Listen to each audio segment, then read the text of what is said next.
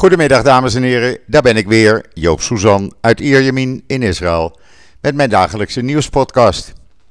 En alweer de laatste van deze week, want ja, morgen is het vrijdag, Shabbat begint en eh, als er niks bijzonders is, ben ik er pas zondag weer natuurlijk, zoals u inmiddels wel weet. En dan even eh, het weer, want ja, mensen willen dat toch allemaal hebben, allemaal weten van mij. Nou, uh, hier komt hij dan. Uh, het is 32, 33 graden, strak blauwe lucht. briesje uit zee. Het is gewoon lekker weer. Het is niet te heet. Hele verademing. En het weekend blijft het ook zo. Dus wat dat betreft, ja, kunnen we best tevreden zijn. En denk ik dat ik maar zaterdagmorgen vroeg, een uur of half zeven, zeven uur, met de hond even lekker over het strand ga lopen. En dan uh, het coronavirus. Want daar begin ik toch maar weer mee. En uh, kan ik ook gelijk een aantal vragen gaan beantwoorden. Uh, we hadden in de afgelopen 24 uur tot vanmorgen 9 uur 1336 nieuwe besmettingen. Er zijn nu bijna 10.000 patiënten, mensen die dus het coronavirus hebben. De meeste zijn gevaccineerd. En hebben dus uh, een lichte vorm, uh, blijven een week uh, in quarantaine thuis en dan worden ze getest. En vaak kunnen ze dan gewoon weer doen wat ze willen. het positiviteitspercentage zit nog steeds op 1,74% van alle mensen die getest zijn. Er zitten 35 mensen in een quarantainehotel, 145 liggen er in het ziekenhuis, 72 ernstig. 19 kritiek en 15 van hen aan de beademing. Er is opnieuw iemand overleden, maakt dat we op 6.455 doden zitten.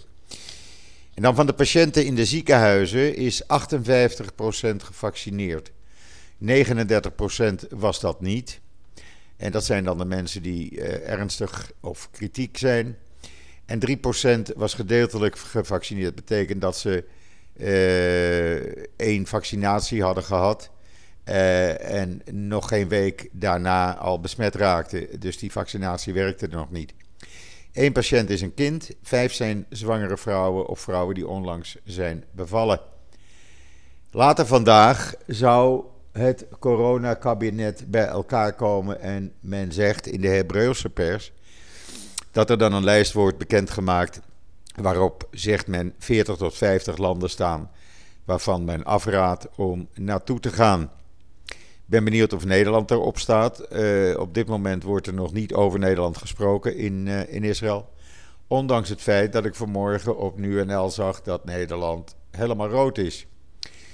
Uh, ja, ik weet niet wat je daar, daarmee aan moet. er werd mij gevraagd van leg eens uit hoe dat nou, nou zit met naar Israël reizen. Nou, het is heel simpel eigenlijk. Op dit moment is de grens voor buitenlanders nog gesloten. Dat betekent, buitenlanders zijn nog niet welkom, niet ingezetenen heb ik het dan over.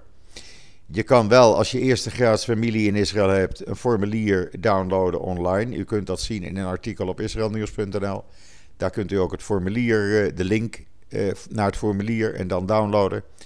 En uh, als je bijvoorbeeld in Israël moet zijn voor een, uh, een Brit Mila, een besnijdenis, een bruiloft, uh, een overlijdensgeval of andere dringende familieredenen, dan kan je dat formulier invullen en krijg je binnen drie weken ja of nee toestemming.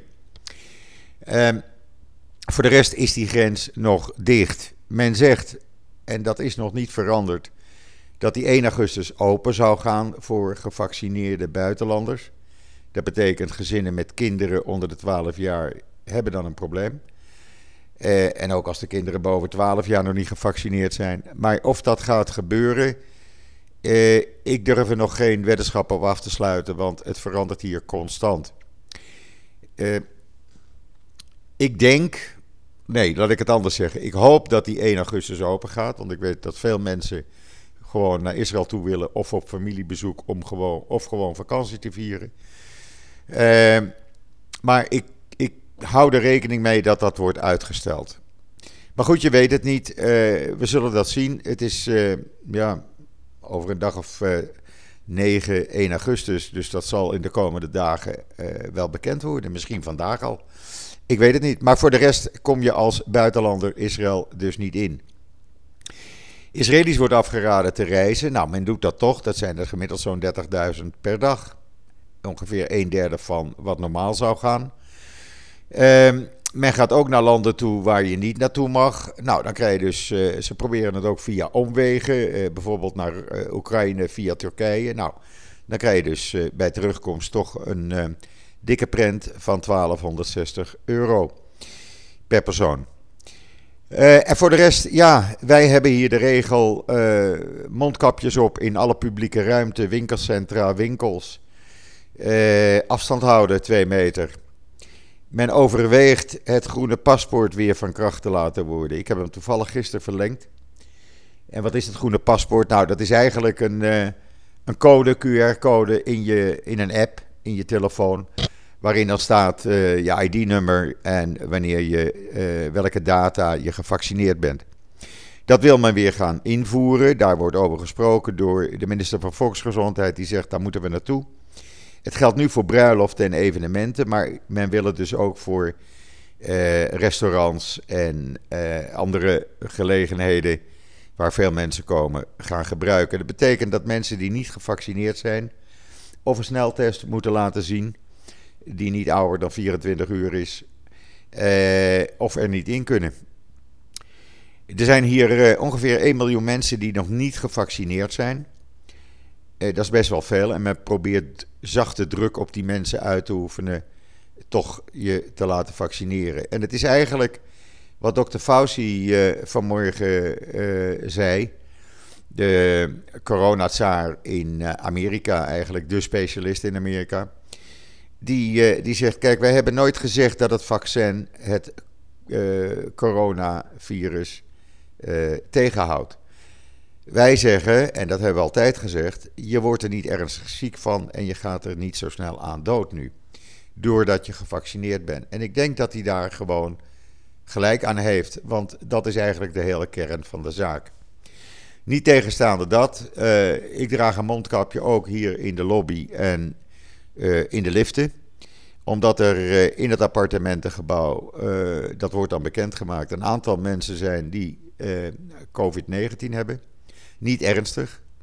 Die zitten thuis in quarantaine. Maar men zegt aan de andere rest van de bewoners: draag nu maar dat mondkapje. Overal kan je je handen wassen met speciale crème. En doe voorzichtig. Nou, dat doen we dus allemaal. Ik uh, merkte vanmorgen, ik had mijn mondkapje op, de lift stopte op een andere etage. Iemand zonder mondkapje wilde erin en die zei: Sorry, ik heb geen mondkapje, ik wacht wel even, ik neem mijn volgende lift. Zo werkt dat hier.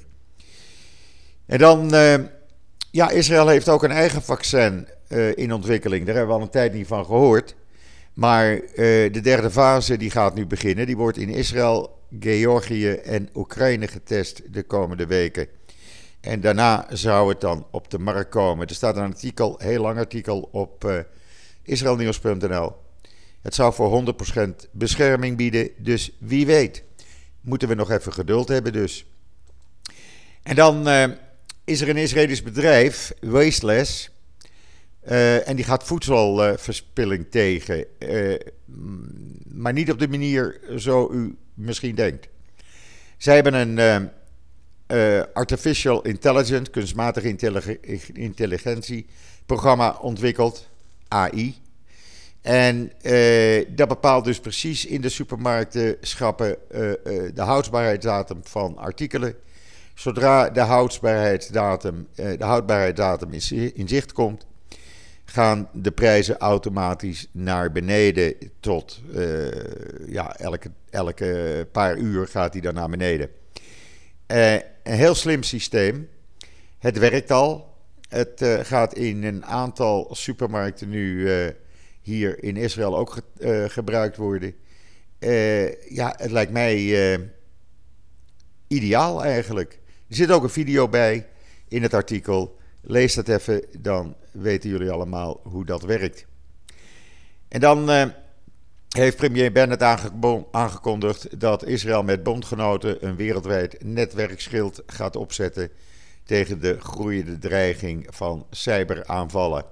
Hij zei dat tegen, tijdens een speech op de Cyber Week. Hij is zelf CEO vroeger geweest van een cyberbeveiligingsbedrijf. En hij weet dus waarover die praat. landen kunnen zich erbij aansluiten. En ja, het lijkt mij dat dat nodig is. En dan in New York. If you make it there, you make it everywhere, wordt er gezongen door Frank Sinatra. Nou, Mobileye heeft daarna geluisterd schijnbaar. En die rijden nu met zelfrijdende auto's door New York als een test. Prachtige video heb ik erbij gedaan. Daar kan je het allemaal uitgebreid op zien. Eh, want New York is toch weer wat anders als bijvoorbeeld, eh, laten we zeggen, eh, Amsterdam. Eh, Heel interessant, want die ontwikkeling gaat gewoon door. Mobileye zit in uh, Jeruzalem. Is een aantal jaar geleden voor 15 miljard dollar overgenomen door Intel. En uh, ja, ze doen dat in andere plaatsen ook. Berlijn, München, Frankfurt geloof ik.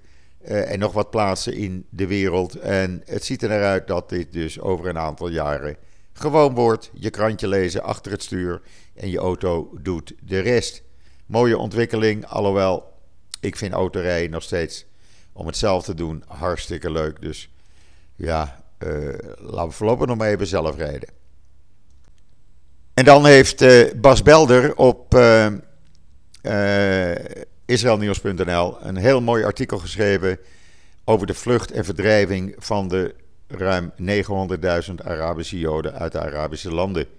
Alsof je door een meisje wordt geslagen, is de titel. Heel interessant, een aanrader om te lezen. En dan natuurlijk, het is donderdag, dus ook weer een nieuw kosher recept, zoals dat heet. Deze week eh, hebben we gekozen voor kip met granaatappelsaus en dadels. En dat is me toch een partij lekker. Ik ga het niet verraaien, ga het zelf maken. Eh, zo moeilijk is het niet. Eh, kip, knoflook, olijfolie, eh, zatar, roosmarijn, eh, eh, dadels, uh, granaatappels en uh, wat Cabernet Sauvignon. Nou, dan kom je al een heel eind. En dan gewoon alles bij elkaar in de oven. En smikkelen maar. Ja, en dan hadden we afgelopen uh, nacht een beetje, ja, paniek wil ik niet zeggen, maar opeens ontdekte de IDF dat er twee mensen de grens met Libanon waren overgestoken. Even een slokje water. En uh, daar zijn ze naar gaan zoeken. Dat begon om een uur of twee. Maar ze konden ze niet vinden. En ze bleven zoeken, zoeken, zoeken. En uiteindelijk om een uur of acht vanmorgen hebben ze ze gepakt. En het blijken dus twee illegale uh, uit uh, die via Libanon Israël binnen wilden om hier te gaan werken. Kwamen ergens uit een Afrikaans land. Uh, en dachten van nou, laten we gewoon de grens oversteken en dan gaan we lekker werken in Israël. Nou, de gewoonte is dat als ze ondervraagd zijn, dan worden ze door Israël weer de grens overgezet, want houden doen, doen we ze niet. En uh, dat is maar goed ook, want anders blijf je natuurlijk aan de gang. En dan nog even, uh, kom ik nog even terug op die reisbeperkingen. Uh, het is eigenlijk zo dat men uh, uh, overweegt, maar dat is nog niet zeker, om uh, mensen die uit risicolanden terugkomen naar Israël vier tot zeven dagen in quarantaine te doen, verplicht. Dat wordt gecontroleerd door de politie. Hoe doen ze dat? Nou, heel simpel. Ze zenden een sms'je naar je telefoon. Daar moet je op antwoorden. En die sms die uh, laat dan zien waar uh, de locatie is waar vandaan wordt ge-sms'd. En op die manier weet de politie of je thuis bent of lekker op het terras of op het strand zit. Er zijn inmiddels al een uh, aantal honderden mensen beboet. de boete is vrij hoog, zo rond de 1000 euro, als je die overtreedt. Uh, dus mensen blijven voornamelijk toch maar thuis in die quarantaine. En wat die quarantaine betreft, uh, ja, uh, men vroeg ook vanmorgen op Twitter, ja, maar hoe werkt het dan bij jullie? Waarom laten zoveel mensen zich testen? Nou, het is heel simpel hier. hier kan je overal laten testen. Is het voor een vakantiereis of dat je naar een bruiloft moet of wat dan ook. Maar veel mensen die hebben, laten we zeggen, ze hebben last van een beetje snotterig of een beetje keelpijn en laten zich gewoon uit voorzorg testen. Vandaar ook dat je boven die 80.000 uh, mensen per dag komt hier. Men is hier helemaal niet zo huiverig voor dat getest. Men doet dat gewoon. Omdat men hier zegt ook van luister, is het niet voor mezelf, dan is het wel voor een ander te beschermen. En dat is denk ik de juiste mentaliteit, wat in Nederland ook uh, eigenlijk de mentaliteit zou moeten zijn. Want als je je niet laat testen, dan weet je namelijk niet wat er eh, met je aan de hand is. Dus ja, men is hier in Israël de bevolking, het grootste gedeelte van de bevolking gelukkig, is er uh, van overtuigd van testen werkt. En het is uh, ja, heel simpel, je kan ook naar een drive-in test gaan, hoef je je auto niet eens uit. En je hebt binnen 24 uur je testresultaat in je telefoon. Nou, makkelijker kan het toch niet, zou ik zeggen. en er zijn honderden plekken waar je gewoon naartoe kunt. Uh, bij mij is het boven de mol, waar je ook vac vaccin kan krijgen. Maar het is in mijn buurt op twee andere plekken ook nog. Men zorgt gewoon dat het heel makkelijk is dat je geen kilometers hoeft te rijden om je te laten testen. Ook kinderen worden getest. Ik, ik, ik, hoorde, wanneer was dat? Verleden week, een van de kleinkinderen. Daar was een klasgenootje had corona, vier ouders. En die hele klas moest worden getest. En dan gaat het om kinderen van 6, 7 jaar. En die kinderen werden ook getest en moesten een aantal dagen in quarantaine tot een tweede test. Waarna ze, als ze negatief testen, weer eruit konden. Betekende wel dat ook de ouders natuurlijk in quarantaine moesten, want zo werkt dat hier. Uh, dus ja, testen en vaccineren, dat is waar het hier in Israël om draait. En voor de rest probeert men gewoon de economie door te laten gaan op een normale wijze. En zo min mogelijk te hinderen en geen paniekverhalen eh, de ronde te laten doen. Geen extra persconferenties. Waar Netanyahu elke avond wel met een of andere persconferentie met allerlei eh, eh, verhalen kwam over. We krijgen dit en we krijgen dat van corona. Uh, is Bennett tot nu toe eigenlijk maar twee keer geweest in een maand. Gewoon om uitleg te geven. Pratende over Netanyahu, er is hier een klein relletje, want de Likud had bekendgemaakt gisteravond dat Netanyahu in de afgelopen dagen drie keer met de CEO van Pfizer had gebeld. Om te zorgen dat er zo snel mogelijk heel veel uh, vaccins richting Israël kwamen. Want hij vond dat een derde vaccinatie nodig was. Nou, daar heeft de minister van Volksgezondheid even op geantwoord. Die heeft tegen hem gezegd: Meneer Netanyahu, wij hebben uw adviezen en uw raad niet nodig. Eh, wij bepalen dat zelf wel. Wij hebben hier genoeg experts. Gaat u wat anders doen en bemoeit u zich niet met onze zaken. Dat brengt mij ook tot het einde van deze nieuwspodcast. De laatste van deze week. Zondag komt er weer een nieuwe. Ik wens iedereen alvast Shabbat Shalom vanuit een zonnig en warm Israël. Uh, heb een mooi weekend. Uh, wat mij betreft, ik ben de zondag weer en zeg zoals altijd: tot ziens, tot zondag.